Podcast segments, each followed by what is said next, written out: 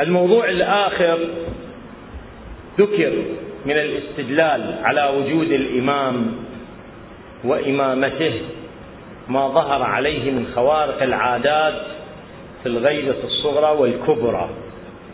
في الغيبة الصغرى مو مشكلة. يمكن أنه أنا وأنتم تتصورون يمكن أنه صدور خارق العادة من الإمام. أما في الغيبة الكبرى هل يمكن أو لا يمكن يمكن أن تصدر من الإمام أو لا يمكن. هذا موضوع وبحث نتحدث فيه عن موضوع الوكالة والنيابة. أن الإمام عجل الله تعالى فرجه الشريف عندما بدأ إمامته كان ما يلتقي بالناس. زين شلون كان يلتقي بالناس؟ كان يلتقي بالناس بواسطة وكلائه. الوكلاء على قسمين. وكلاء صغار ووكلاء لهم نيابة خاصة. خاصة. الوكلاء الصغار كان الإمام وكلاء متعددين في البلدان. صلوات الله وسلامه عليه. وكلاء متعددين في البلدان.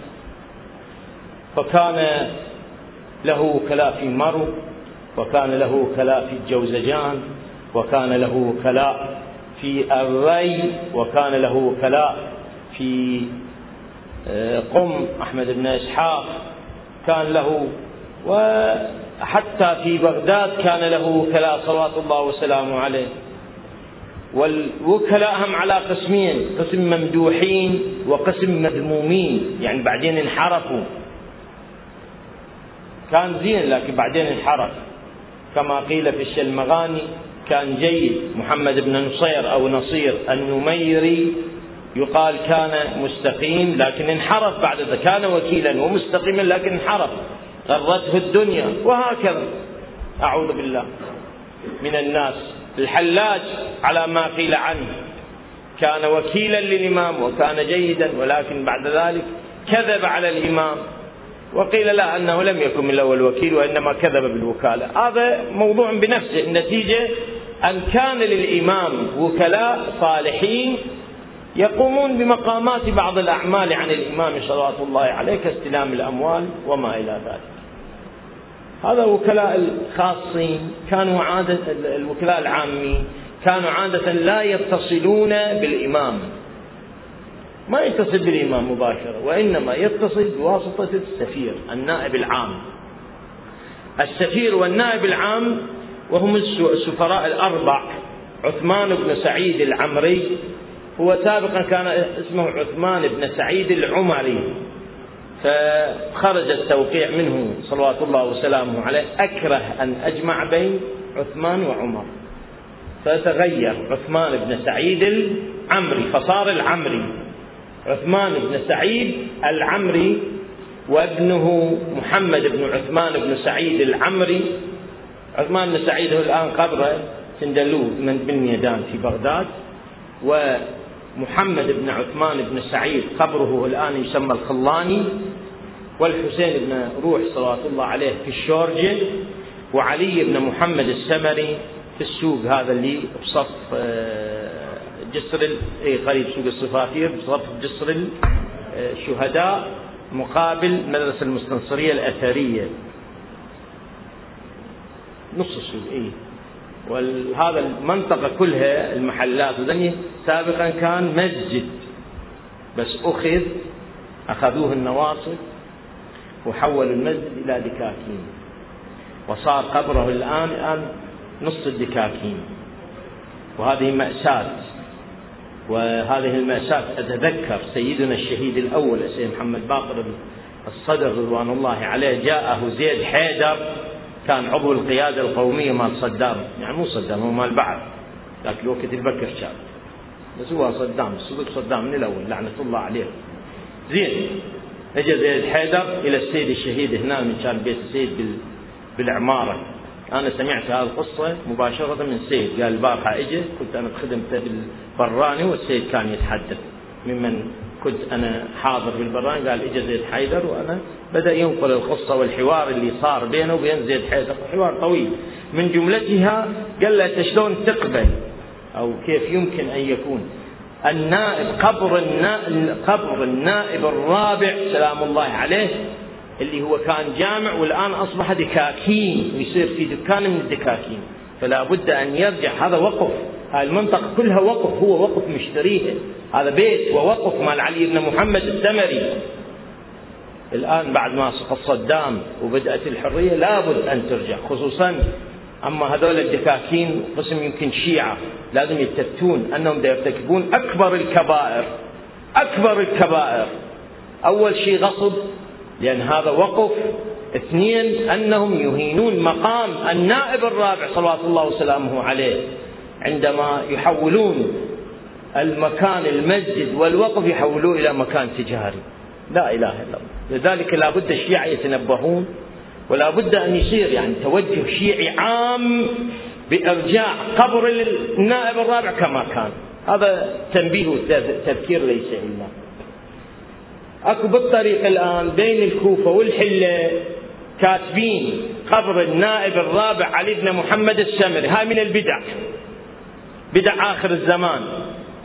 لم يقل ولا عالم ولا فقيه. وسنشوف من ندرس أحوال علي بن محمد أصلا ما عرف أنه سكن خارج بغداد. ما عرف.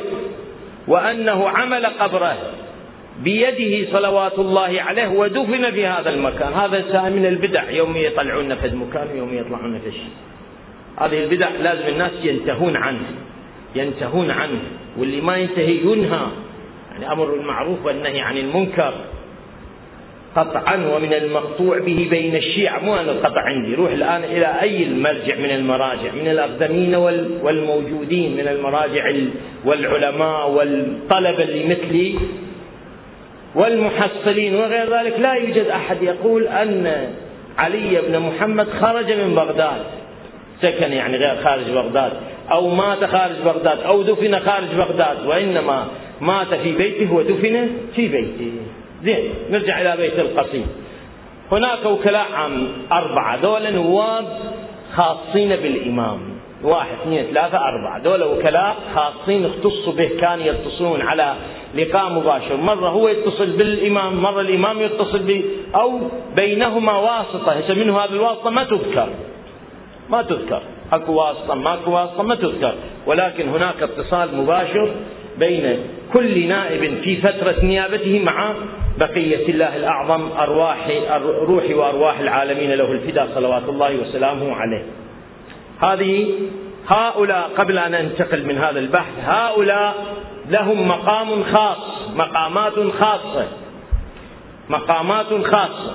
من جملة المقامات الخاصة التي وهبها الله لهؤلاء عمل الرقعة. لابد أنتم عاملين بها أو سامعين بها. موجودة في الكتب وفي الأدعية وكتب الأدعية موجودة موجودة في كتب في البحار وكتب الصالحين. الرواية من كان عنده حاجة فليكتب رقعة الإغاثة أو الاستغاثة إلى صاحب الأمر. تقضى الحاجة إن شاء الله. وعندنا إحنا كراس صغير حول الرقعة وفوائدها وما إلى ذلك. النتيجة. هذه الرقعة تكتب هذا الدعاء تتوسل لصاحب الأمر والرواية تقول وتقول ارمه في الماء الجاري نهر أو في بئر أو ضعه على قبر من قبور الأئمة صلوات الله وسلامه عليه. هاي رقعة يسموها رقعة الإغاثة أو الاستغاثة. من تريد تضعها أو ترميها لا بد أن تلفها بطين طاهر. طين طاهر. تلفها وترميها. إذا بالماء الجاري أو على قبر من قبور الأئمة ترميها. ورقة وتصل. لكن أنت من حالة الرمي هناك دعاء ثاني. لا بد أن تؤمنها بيد أحد هؤلاء النواب الأربع فتقول هذا الدعاء موجود في مفاتح الجنان وغير ذلك. إذا شايفين من جملة ما تقول يا فلان ابن فلان تذكر النائب تريد تسلمها بيد عثمان بن سعيد. تقول له يا عثمان بن سعيد هذه رقعتي أمانة كذا أسلمها بيدك الذي كنت نائبا عن الإمام في طبعا مو نص هاي معنى النص راجعوه بكتب الأدعية. الذي كنت نائبا عن هذا المعنى حيا وميتا فأوصلها إلى سيدي ومولاي. فسوف تصل. يلفت الانتباه أن هؤلاء لهم خصوصية حيا هم ميت. يعني أرواحهم الطاهرة أنوارهم صلوات الله عليها لها خصوصية وقداسة خاصة. يبقون أنه الواسطة بيننا وبين مولانا صاحب العصر والزمان. هاي أبين وأنا ماشي ولا بحث حول هؤلاء للأسف الشديد لم يتم البحث موسع باللغة العربية لم يتم بالفارسي أكو كثير من الكتب التي كتبت في أحوال النواب الأربع أما بالعربي للأسف ما وجدت لحد الآن بحث يناسب مقامات هؤلاء النواب صلوات الله وسلامه عليهم. هناك بحث بين الفقهاء في عصمتهم. هل هؤلاء معصومون أو لا؟ الأربع. العصمة التشريعية قطعا. ولكن بمعنى من معاني العصمة التكوينية هل لهم هذا المقام مقام من مقامات العصمة التكوينية أو ليس لهم هذا المقام من مقامات العصمة التكوينية؟ على كل حال أريد أبين أن هؤلاء لهم شأن خاص ولا بد نبحث ونتحدث إن شاء الله وفي أو تقرؤون وكذا عنهم صلوات الله وسلامه عليهم فلهم مقام. هؤلاء إذا هم الوكلاء الخاصون. آخرهم بعد العراق هو مخ العالم وروح العالم وعاصمة الدنيا وعاصمة صاحب الأمر عجل الله تعالى فرجه الشريف. وفي ذلك الزمن باعتبار عاصمة الدولة الإسلامية بغداد. طبيعي هنا. هنا سكان بغداد كان يقال في ذاك الزمان أكثر من مليون ونصف إنسان يسكن بغداد. في ذاك الزمان. نفوس العالم مو كان مثل نفوس العالم بهالزمان. كان أقل. فتعرف هناك كثافة سكانية. هسه ليش؟ اهتمام الأئمة. مثل ما نقول ليش؟ أن الأئمة مو هم النواب الاربع سادتهم وسادتنا وسادة الخلق. ليش الله طانا هالنعمة؟ قبور أئمتنا. عندنا أمير المؤمنين والحسين صلوات الله عليه والجوادين والهاديين. سده من الأئمة عليهم السلام. عندنا وعندنا مقام الحجة سبعة. وعاصمة الحجة هنا إن شاء الله الكوفة وبيت الحجة في مسجد سهيل. سلام الله عليه.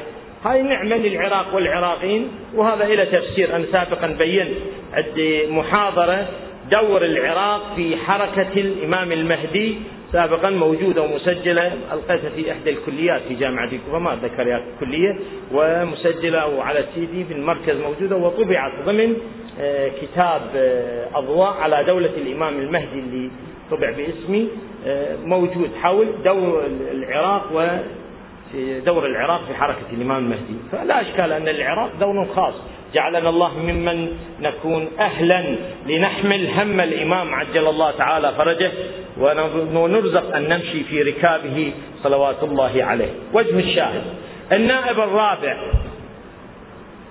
هذا الوكيل الرابع عندما مات انقطعت الوكالة الخاصة. بقت الوكالة العامة الوكالة العامة اللي تستند تستل من وتستنبط وقد تستنبط من التوقيع الشريف الصادر عنه وأما الحوادث الواقعه بينكم فارجعوا فيها إلى رواة احاديث أحاديثنا فإنهم حجتي عليكم وأنا حجة الله. هذا التوقيع الصادر عنه في توقيع الحميري في مسائل الحميري للإمام صلوات الله عليه فسأل عن الحوادث الواقعة فقال له أما الحوادث الواقعة بينكم الواقع. فارجعوا فيها إلى رواة أحاديثنا. فإنهم حجتي عليكم وأنا حجة الله. فهم يعني الفقهاء نواب العامين للإمام. نتكلم عن قضية الاتصال بالإمام في الغيبة الكبرى. لأن إحنا هذا وجه الشاهد.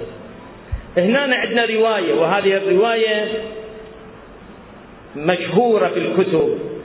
يرويها الشيخ الصدوق ويرويها الشيخ الطوسي رضوان الله عليه ويرويها الشيخ الطبرسي في الاحتجاج وغيرهم.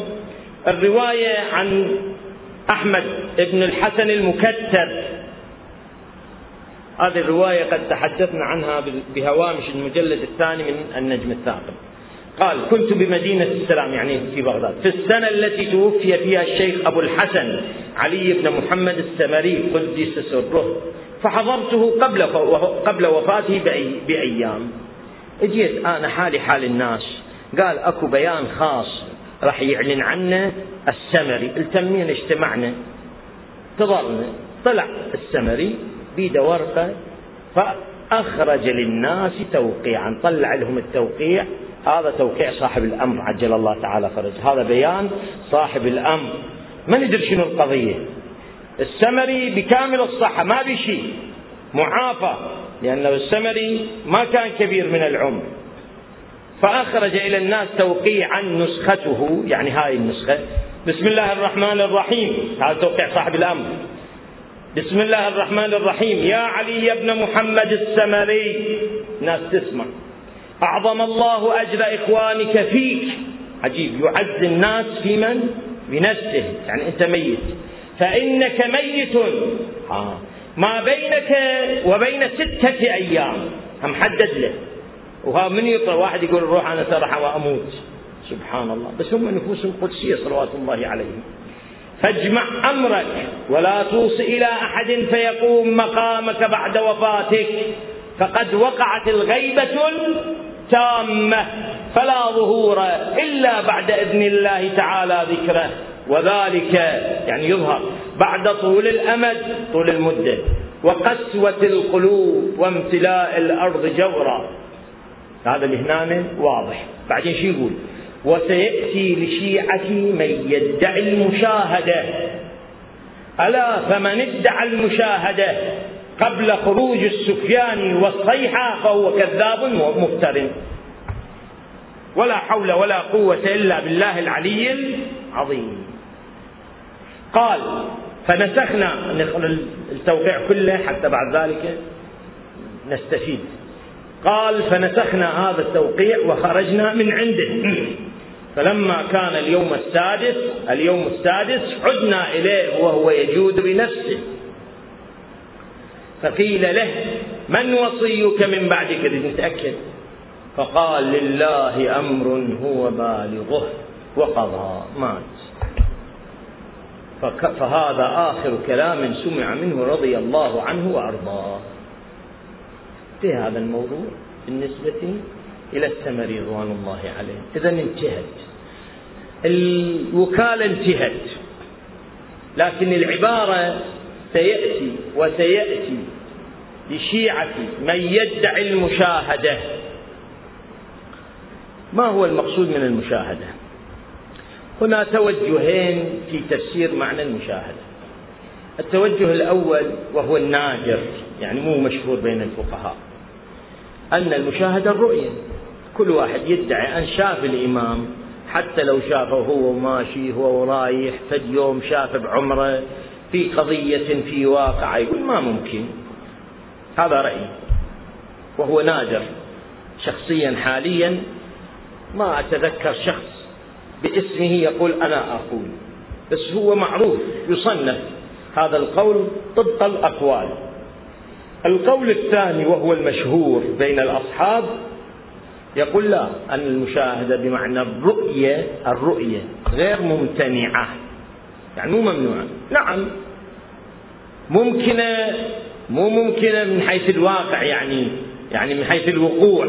هل أنها وقعت أو لم تقع؟ مسألة ثانية. بس بنفسها غير ممتنعة. وذلك لأننا نعلم أن الإمام الحجة موجود بيناتنا غاية ما في الأمر الاختفاء وين؟ بالهوية مو بشخصيته. الإمام موجود يمشي ويذهب ويروح وربما تلقاه بالسيارة وربما تلقاه بالشارع وربما تلقاه بس أنت شنو؟ ما تعرفه للإمام. ما تعرف الإمام. ليس إلا. أما أنه صلوات الله عليه ممتنع أن يرى؟ لا يرى. صلوات الله عليه يرى لكن يعني بطبيعة عقيدتنا إحنا الكل كل الشيعة نؤمن أن الإمام الحجة لم يغب.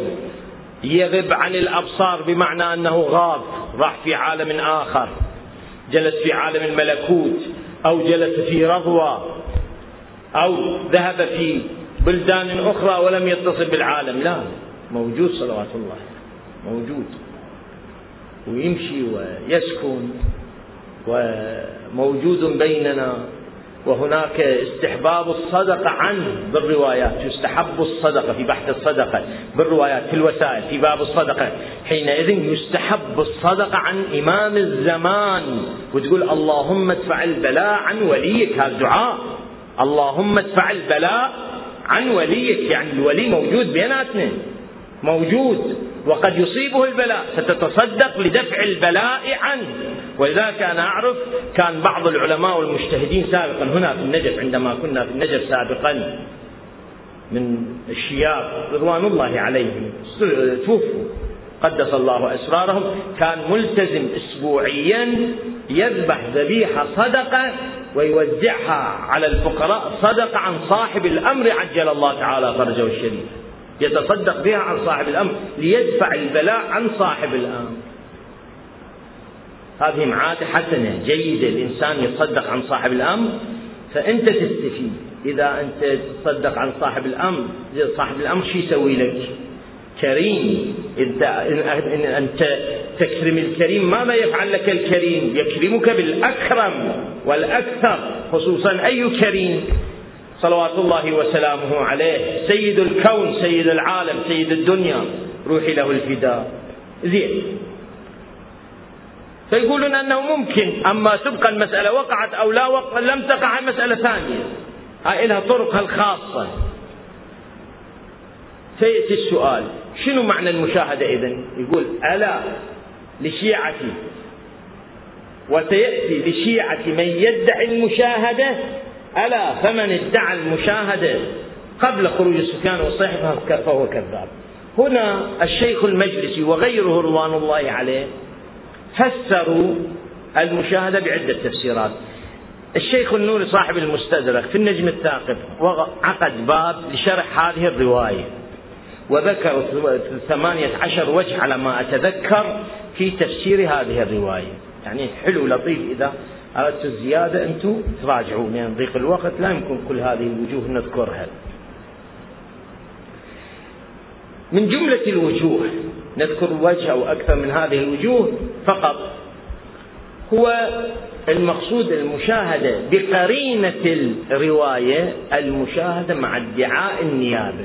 لأن الإمام ده يقول له يقول له بعد بعد وفاتك راح تتوفى وراح تبتدئ الغيبة الكبرى. حينئذ إذا اجى واحد يقول أنا شفت الإمام وشاهدت الإمام فكذبوه فهو كذاب. يعني شنو؟ يعني إذا يجي يقوم مقامك ويدعي دعواك لأن هو كان يدعي السمع لأنه مشاهدة بمعنى الاتصال. فيقال حينئذ أن المقصود به المشاهدة النيابة. أو ما يؤدي بالنيابة. شلون ما يؤدي بالنيابة؟ واحد ما يقول أنا نائب. شو يقول؟ يقول أنا أشوف الإمام. شوف البدع هاي البدع شفناها بعمرنا. أعوذ بالله منها. بعمرنا أنا شفتها. شفتها بإيران شفتها في لبنان وظهرت في البحرين. وظهرت في بلدان أخرى هذه البدع وهو ظهور أناس يدعون أنهم على اتصال مع الإمام.